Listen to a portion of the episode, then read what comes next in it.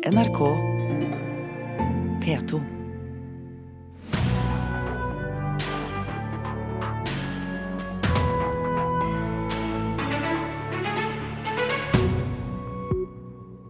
Mulla Krekar er ikke lenger en ulv i fåreklar. Nå er han en ulv, sier retorikkekspert om intervjuet mullaen ga til Dagsrevyen i går.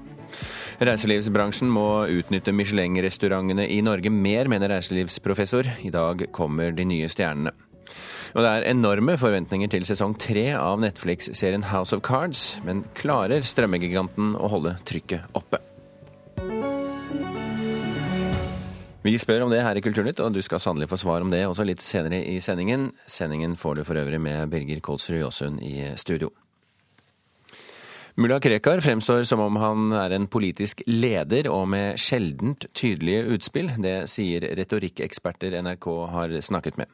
NRK valgte i går kveld å vise et lengre intervju med mulla Krekar, der han bl.a. gir klar beskjed om hva han mener Koranen sier om bl.a. terror og drap på karikaturtegnere. Den som fornærmer vår religion og vår ære, må forstå at dette er en konflikt på liv og død. Det var noe av det mulla Krekar sa i intervjuet NRK viste med ham i går kveld. Der hyllet han også gjerningsmennene bak terrorangrepene i Paris og København. Professor i retorikk ved Universitetet i Oslo, Johan Tønneson, mener det nærmest er en ny identitet vi ser ved Krekar nå. Vi er vant til at han uttaler seg oftest da på måter som kan etterlate mye rom for tolkning. Og så kommer jo hans advokat Brynjar Meling og gir mange av disse tolkningene. Så i den norsk sammenheng så er det blitt ganske riktig mye mer konsekvent teologi og politisk stillingstaken, som ikke etterlater noen tvil. Han uttaler seg som om han snakker på hele verdens muslimers vegne. Han sier f.eks. at den som støter religionen vår, skal vi møte med bomber. Anna Birgitta Nilsen er førsteamanuensis og har retorikk som felt ved Høgskolen i Oslo og Akershus. Hun snakker selv arabisk og sier Krekar fremstår som veltalende i intervjuet. Han snakker veldig klart, han nøler ikke, det er ingen påbegynte setninger som han omformulerer eh, her. Replikkene virker innøvd. Og det er tydelig det er ment for å imponere, det er ment for å gi inntrykk. Og språkføringen den er stø, han snakker et godt eh, arabisk. At Krekar velger å la seg intervjue på nettopp arabisk når han skal forsvare profeten Muhammed, er nok heller ikke tilfeldig, understreker Nilsen. For det første så når han ut til et veldig stort publikum når han snakker eh, arabisk. Og arabisk er jo dessuten også det hellige språket Koranen er skrevet på. Ved Misjonshøgskolen i Stavanger tror religionsforsker Jan Oppsal at mullaens uttalelser har liten gjennomslagskraft. Likevel kaller han Krekar genial. Han har greid å få medias oppmerksomhet og få mange mikrofoner retta mot seg. Og det gjør at han, at han får en, eh, en, talerstol som nok er større enn den han fortjener ut ifra sin oppslutning. Det dilemmaet må vi nesten leve med. For det er problematisk å gi taletid til en ekstremist som ønsker oppmerksomhet samtidig som det er viktig å fortelle hvilke krefter vi må forholde oss til også i vårt eget land, sier generalsekretær i Redaktørforeningen, Arne Jensen. Vi må passe på å gjøre dette skikkelig journalistisk, sånn at det ikke fremstår eh, som eh, nyttig propaganda, men fremstår som det det bør være, nemlig ordentlig og kritisk journalistikk. Uansett hva som måtte være Krekars baktanke med intervjuet, så er han nå grundig avkledd, påpeker Johan Tønneson. Det er svært interessant å se at han setter sin troverdighet og sin tillit overfor den norske opinionen, at han nå setter den helt velkalkulert på spill, og framstår som en, ikke lenger som en ulv i fåreklær, men som en ren ulv. Reporter i denne saken, det var Thomas Alvarstein Ove. NRKs nyhetsdirektør Per Arne Kalbakk sier Krekars uttalelser har offentlig interesse, men at det har vært eh, viktig å ikke la hans uttalelser stå uimotsagt. og Derfor har det vært motstemmer i alt som NRK har publisert så langt. Kulturkommentator i NRK, Agnes Moxnes, velkommen. Hva er dilemmaet, eh, slik du ser det, ved å slippe til mulla Krekar i media? Jeg syns jo det tydeliggjøres ganske godt i dette innslaget vi hørte her, med retorikerne, og også den samtalen som jeg hadde hjemme etter Dagsrevy-innslaget i, i, går kveld, hvor mulla Krekar ble intervjuet. Eh, så var det helt tydelig at at, at dette anskueliggjør veldig klart hva mulla Krekar står for. Og det er jo sånn i dette landet her at alle vet hvem han er, og, og veldig få kjenner rekkevidden av, av meningene hans. Men på den andre siden så, så sier jo de som kan sin Krekar eh, adskillig bedre, at eh, Krekar kan ha en egen interesse av å stille opp til et eh, slikt intervju. Han er vel forberedt. Han ønsker å skaffe seg en politisk posisjon i Kurdistan, og ønsker å skaffe seg tilhengere. Så det vil jo si at ethvert medium som, som publiserer et slikt intervju, det har helt opplagt vurdert disse hensynene og tatt dem opp mot hverandre hverandre i forkant. Eh, vi hørte jo i går at han angriper tegneren, altså den som står bak eh, Mohammed-karikaturer. Eh, hva, hva, synliggjør Krekar ved å, å gjøre det? Ja, Han sier jo at man skal ikke gå til angrep på dem som ber en tegner tegne en tegning, og heller ikke den som publiserer den videre. Det er tegneren selv. Og Det sier jo at han tilhører en ideologi som frykter blyanten. Ehm, og etter 2005 så har det altså vært gjentagende angrep eh, mot eh, nettopp tegnere. Kurt Westegård, Lars Wilks, eh, Charlie Hebdo. Ehm, Osman Rana han kaller dette umuslimsk. Og, og, altså legen og kommentatoren Osman ja, Rana? Og, og han sier det til NRKs nettsider.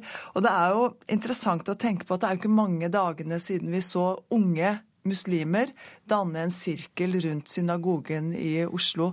Og det var jo en, en eh, handling som fikk adskillig mer internasjonal oppmerksomhet enn det eh, mulla Krekar får for dette intervjuet. Men, men hvorfor er tegneren målet, da? Det gjelder for alle diktatoriske ideologier. Det er slik at symboler, ord og selvstendige tanker de oppleves som en trussel. Det kommer jo nå eh, historier og meldinger som foreløpig er ubekreftet, om at IS eh, skal ha brent tusenvis av eldgamle manuskripter og bøker som har vært i biblioteket i Mosul. Og det er jo da manuskripter og bøker som representerer hundrevis av år med, med tanker og, og sivilisasjonsutvikling. I, I, Drammen så skal det jo være en karikaturutstilling i morgen. Selv uten karikaturer av profeten så frykter eh, politiet der eh, terror og har tidenes sikkerhetsopplegg. Kan du kort si noen ting om, om hvorvidt det er overdrevet frykt? Frykt? Nei, altså Frykten er allerede begrenset den utstillingen. Skulle vart i to dager, blir eh, nå seks timer. Og da blir det igjen opp til publikum å ta ansvar og vise at de trasser denne frykten og stille mannsterk på en slik utstilling. Agnes Moxnes, takk for at du kom til oss.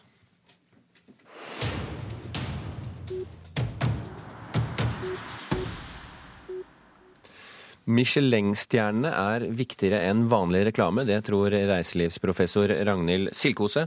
I dag kommer Michelin-guiden for første gang med en egen nordisk guide, og professoren tror det ligger et uforløst potensial for reiselivsbransjen hos restauranter med Michelin-stjerne.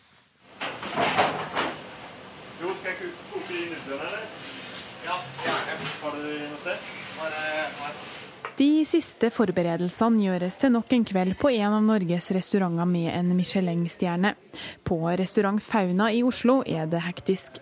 Fauna er en av fire Michelin-restauranter i Norge, og alle befinner seg i Oslo.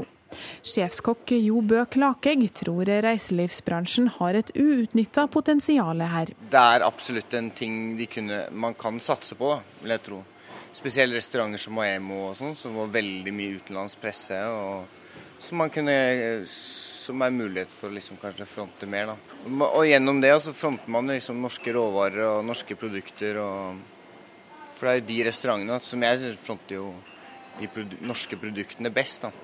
Av norsk sjømat og noe som vi er liksom absolutt liksom best i verden på. Reiselivsprofessor ved Handelshøyskolen BI, Ragnhild Silkoseth, er enig med Klakegg. Hun tror reiselivsbransjen har en vei å gå for å bruke Michelin-stjerna for det den er verdt. Den har en kjempestor verdi i markedet som markedsføring for alle kunder og gjester. Det som er spesielt med sånne stjerner og sånn type informasjon, er at før du går på en restaurant, så kan du ikke vite om kvaliteten på maten er god før etter at du har spist den. Så enten må du da ha personlig erfaring eller noen venner som har vært der og spist, eller kjente, eller da sånn som eksterne aktører, som er da veldig viktig signal på kvalitet. Så markedsføringsmessig er det mye viktigere enn en reklame eller en annonse. Reiselivsdirektør i Innovasjon Norge, Per Arne Tuftin, ser verdien av Michelin-stjernene, men tror ikke disse restaurantene er det viktigste for norsk reiseliv. Michelin-guide-restaurantene er veldig bra. Selvfølgelig. Eh, men det som også er viktig for oss, eh, viktig for norsk reiselivsnæring, eh, det er jo også da å kunne vise til mangfoldet ved hva som nå skjer innenfor norsk reiseliv og innenfor norsk mat. Én ting er at vi har da Michelin-guide-restauranter, men at vi også har et veldig godt utbygd nettverk etter hvert av gode restauranter over hele landet. Tilbake på Fauna tror sjefskokk Klakegg mer på godt gammeldags arbeidsmiljø enn markedsføring. Ja, vi markedsfører det ikke i det hele tatt. For oss er det viktig å Vi markedsfører oss gjennom gjestene som kommer her. ikke sant? At vi eh, lager best mulig mat, yter best mulig service, bra samarbeid på jobb. Og da reklamerer vi oss med at gjester er fornøyde, og de kommer, kommer forhåpentligvis tilbake. Han har også tro på mer samarbeid med Innovasjon Norge og resten av reiselivsbransjen. Hjelp er alltid bra på. Kanskje vi kan hjelpe de òg. Samarbeid er jo trivsel, er ikke det man sier. Og det var Espen Alnes og Runa Rød som hadde samarbeidet om denne reportasjen. Tommy Ranti, leder for Gastronomisk institutt i Stavanger. Hvor viktig er Michelin-stjernene slik du ser det? Eh, Michelin-guiden har jo alltid vært en, en, en, viktig guide for eh, spesielt oss i bransjen å følge. Men, eh, men altså, jeg skal innrømme at jeg har også vært en liten kritiker av, av Michelin-guiden på, på, mange måter. Fordi det er jo et veldig rigid fransk system de, de følger. og og terskelen for å få en stjerne i de nordiske landene spesielt er jo veldig mye høyere eh, enn eh, f.eks.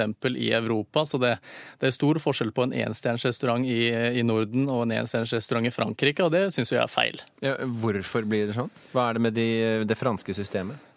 Nei, eh, jeg skal ikke spekulere i akkurat hvorfor det er sånn, men det er jo Du kan spekulere litt. ja, jo, kan, ja, det er greit. Nei, men det de, er jo som sagt altså, det er jo basert på et fransk system, og de ser jo veldig på altså det, Ting er jo mye mer stivt i Frankrike. ikke sant? For her i, i, Norden så er vi mer åpne. Vi har en litt annen stil på restaurantene. Hvordan, hvordan både maten er, og hvordan uh, service og sånt er. Og, uh, så, så, de tar ikke veldig hensyn til kulturforskjeller, da.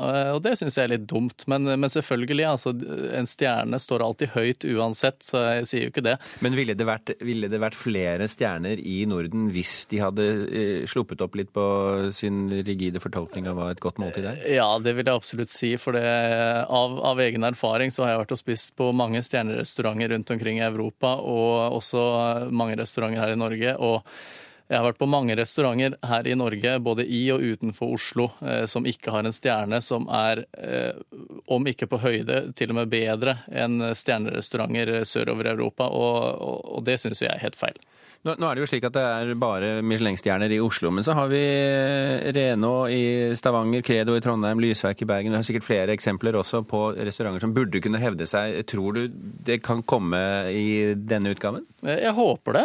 Det er jo, altså, I mine øyne så er vel det litt av tanken med at de nå kommer med Nordisk Guide. Da bør jo inspektørene reise rundt og å besøke og spise på de antatt beste stedene eh, utenfor Oslo òg. Og Lysverket f.eks. i Bergen, jeg var og spiste der senest i sommer, og det er absolutt på høyde med en, med en stjernerestaurant. Så det Jeg blir jo litt forundra hvis det ikke kommer noen nye stjerner ut forbi Oslo. Eh, da mener jeg at den nordiske guiden kanskje er litt feilslått. Og kanskje det kommer en trestjerners et eller annet sted nå? Ja, det, altså, Se f.eks. Maemo da, i Oslo. De eh, er jo på høyde til å få tre stjerner. Ylayali i Oslo de bør i hvert fall få to, spør du meg. Eh, og så har du i Sverige så har du en, eh, en restaurant som ligger midt inne i skauen i middle of nowhere, egentlig, som heter Feviken. Og der kommer jo folk fra hele verden og reiser til kun for å få den opplevelsen av den svenske naturen og den svenske maten. Og hvis ikke det er tre stjerner, nei, da vet ikke jeg. Nei, Vi får se, Tommy Ranti. Tusen hjertelig takk for at du var med i Kulturnytt. Og det er altså eh, offentliggjøring av denne eh, Michelin-guiden klokken ett minutt over ni i dag. Klokken er 17,5 eh, minutter over åtte. Du hører på Kulturnytt, og dette er toppsakene i Dagsnytt nå. I fjor ble over 300 utenlandske barn sperret inne før de ble sendt ut fra Norge. Samarbeidsavtalen mellom regjeringspartiene KrF og Venstre bør reforhandles. Det mener stortingsrepresentant for Frp, Christian Tybring-Gjedde. Og streikeviljen blant flygerne i Norwegian er stor før dagens mekling hos Riksmekleren. You want to know what takes real courage?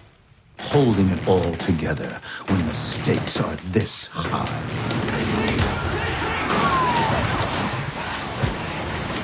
The murderers, Francis. Herr og fru Underwood har kommet helt til topps på maktens tinder i den tredje sesongen av Netflix-suksessen House of Cards. Og De har inntatt det ovale kontor nå, men maktspillet og kynismen har de ikke forlatt i døråpningen. Og Sigurd Vik i NRK Filmpolitiet, sesong tre slippes altså i morgen klokken 09.01. Men du har allerede sett de første seks episodene. Holder serien koken? Den holder absolutt koken i, i, forhold til at det det samme som skjer. Det er, som du sier, maktspill og intriger som, som opprettholdes. Men den har nok mista et av sine viktigste kort i og med at de er på toppen nå. For det er jo veldig mer søkelys på en president enn på en litt sånn lyssky partipisk, som Frank Underwood starta som. Så det er litt mindre handlingsrom til å drive med jævelskapen denne gangen. Samtidig så har han jo valgt en manipulativ og forbrytersk vei inn i denne maktens kjerne moderne, så man kan jo spørre om spøkelsene kommer etter ham inn i det ovale kontor. Ja, det som er så fint med skapet til Frank Andrew, det er jo stappfullt av skjeletter, og serieskaperne har jo absolutt ikke tenkt å la dem være. Det starter ikke med å ramle ut noe sånn veldig, men hans tidligere høyre hånd eh, har litt sånn skiftende allianser, så det, så det legges opp til at eh, både hans kriminelle handlinger og hans generelle usmakelige oppførsel mot eh, kolleger og, og, journalister kan komme tilbake og bite den kraftig i baken, eh, hvis man skal gjette litt eh, framover. Og så ligger det vel en liten, lite konfliktpotensial i hans noe maktglade kone også? Ja, jeg vet ikke om det er en parallell til Clinton-paret, eller hvordan det her er, men det er tydelig at Claire Underwood, altså førstedamen, skal få litt flere strenger å spille på i sesong tre, og hun er virkelig en av lyspunktene. For Robin Wright, som spiller Claire Underwood, er en fremdragende skuespiller som virkelig får uh, dratt på sin uh, evne til å virke veldig sikker, og allikevel ha en sånn der boblende, skjelvende usikkerhet like under overflata. Så det, det er virkelig et, et spennende opplegg. Og det er også noe som gir litt dynamikk dynamikk tilbake i, i holdt på å si, ondskapens rede hos uh, Underwood-paret. For at nå er ikke de bare enige lenger om uh, hvilke veier de skal gå. House of Cards det har jo vært uh, den store esset i kortstokken for Netflix, som både har serier og filmer som folk kan strømme rett inn i stuen. Klarer serien å være den drivkraften, tror du, som Netflix trenger i en knallhard konkurranse videre? Jeg tror nesten den må være det, eh, fordi den er den store merkevaren deres. Var, det, den er flaggskipet. Den var den første store de hadde. og de har ikke fått de har en del gode ting, men de har ikke så gode ting. Marco Polo nå sist var heller ikke den enorme suksessen, så jeg tror nok Netflix kommer til å fortsette å profilere House of Cards veldig, og, og den har en veldig sterk fanbase, så jeg tror nok den kommer til å vedvare som profil. Men det er klart, den er på tredje sesong nå, jeg vet ikke hvor mange sesonger det blir, men den, eh, den kan jo hende at den ikke kommer til å være der eh, så veldig mange år lenger. Så er Det jo sånn at det er jo flere konkurrenter som vil matche Netflix-suksess. Annet Google har jo startet sin nye strømmetjeneste. Hvor viktig eh, kommer House of Cards til å være i kampen, tror du? Jeg tror den er viktig nettopp som den der uh, profilen til, til, Netflix, for det er veldig mange nå. Her i Norge så er vi jo uh, med, med, HBO Nordic og, og Netflix og, og, Amazon, som har blitt en stor aktør internasjonalt, uh, sender foreløpig sine serier via norske serier, sånn som Bosch, som går på HBO, og Transparent, som går på Viaplay. Men, men hvis de her også begynner å komme inn mot det norske markedet, så vil vi jo se dem. Men, men internasjonalt så er det viktig for Netflix å ha en profil, og House of Cards ja, jeg er ikke sikker på om den er god nok nå til, til, å opprettholde Jeg tror de trenger noe nytt hvis de skal, skal fortsette å være best, men de har jo også hyra inn Friends nå, så de eh, lener jo seg på gamle, gode klassikere, så det kan jo være noe der. Vi får se. Sigurd Vik, takk for at du var med oss. Og hele anmeldelsen til Sigurd Vik ligger på nrk.no. Gå inn på Filmpolitiet der. Nå kan vi ta med til slutt at norske filmprodusenter ikke vet hva de tjener på å ha filmene sine på strømmetjenesten Netflix, eller hvor mange som ser dem der. Det skriver Klassekampen i dag, som har intervjuet styreleder i Virke produsentforeningen Asle Vatn. Vatn sier Netflix og andre strømmetjenester opererer med en stor grad av hemmelighold, og at flere filmprodusenter har forsøkt å få ut tall uten å lykkes. I dag bruker én av fire nordmenn Netflix.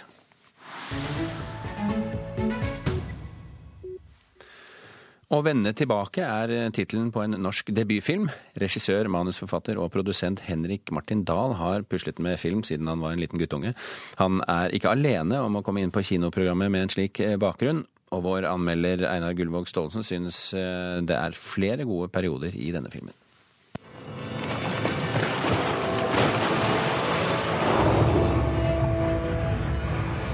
Det er savnet av far det dreier seg om.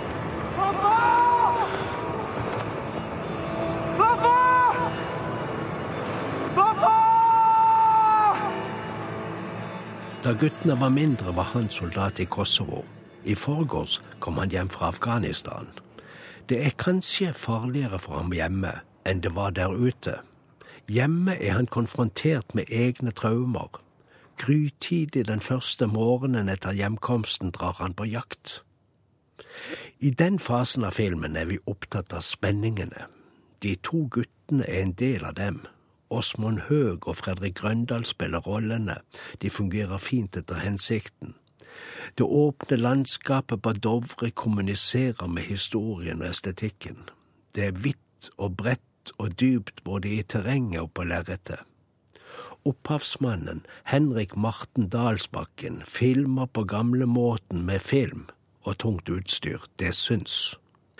Dalsbakken er en av stadig flere unge filmentusiaster som prøver seg i profesjonelt format. Han har puslet med film siden han var liten. Vi får et par slike filmer på kino hvert år nå. Det er ikke plass til flere. De filmene fenger ikke det brede publikum, men blir sett av venner og andre entusiaster og folk som kjenner landskapet der tingene skjer. Skal vi snu? Kan hende det har gått en annen vei. Nei da. Sikker?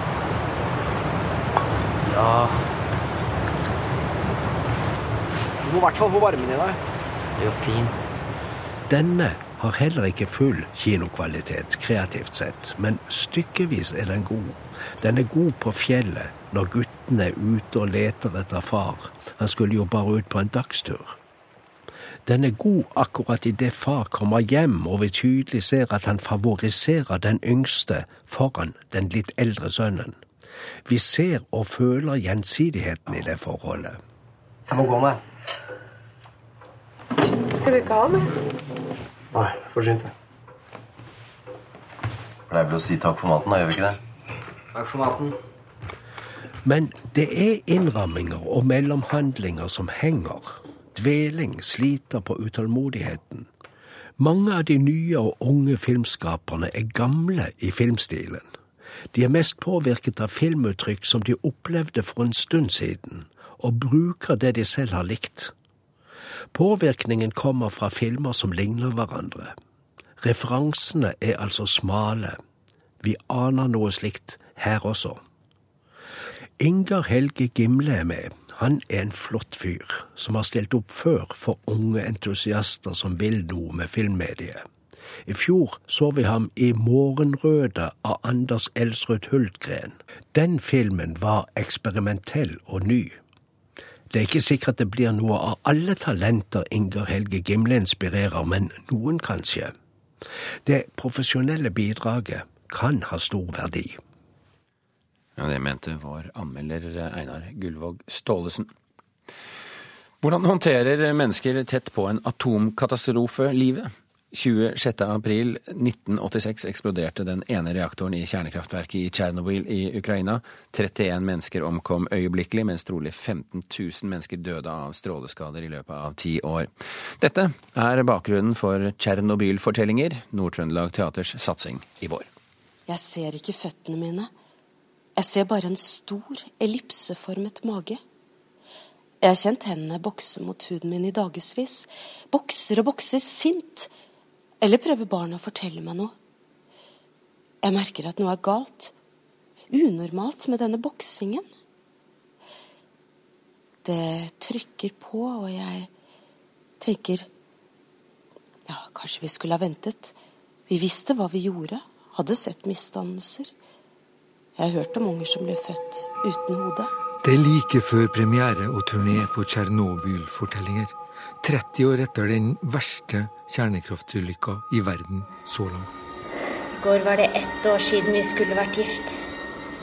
Han var altfor syk til å kunne gjennomføre vielsen.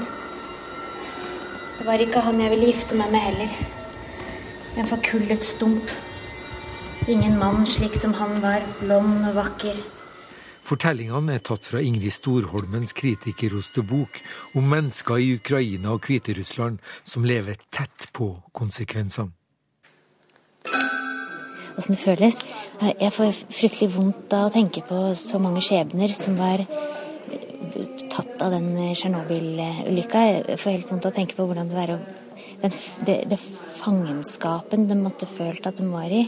Sier Hanne Brinker, en av skuespillerne på Nord-Trøndelag Teater i Verdal. Her hvor rein og sau ennå må fôres ned for å hindre for store konsentrasjoner av radioaktivitet.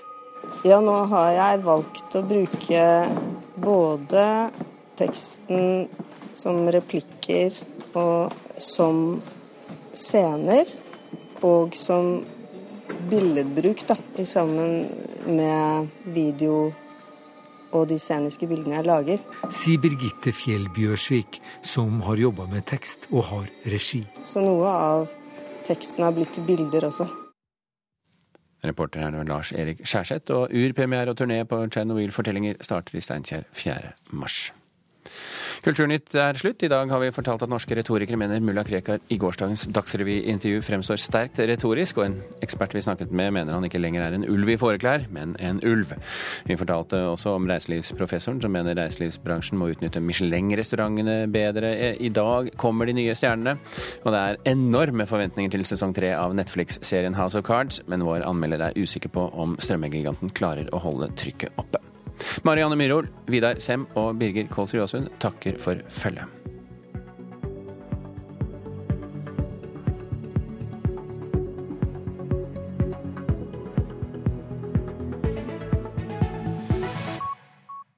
Hør flere podkaster på nrk.no podkast.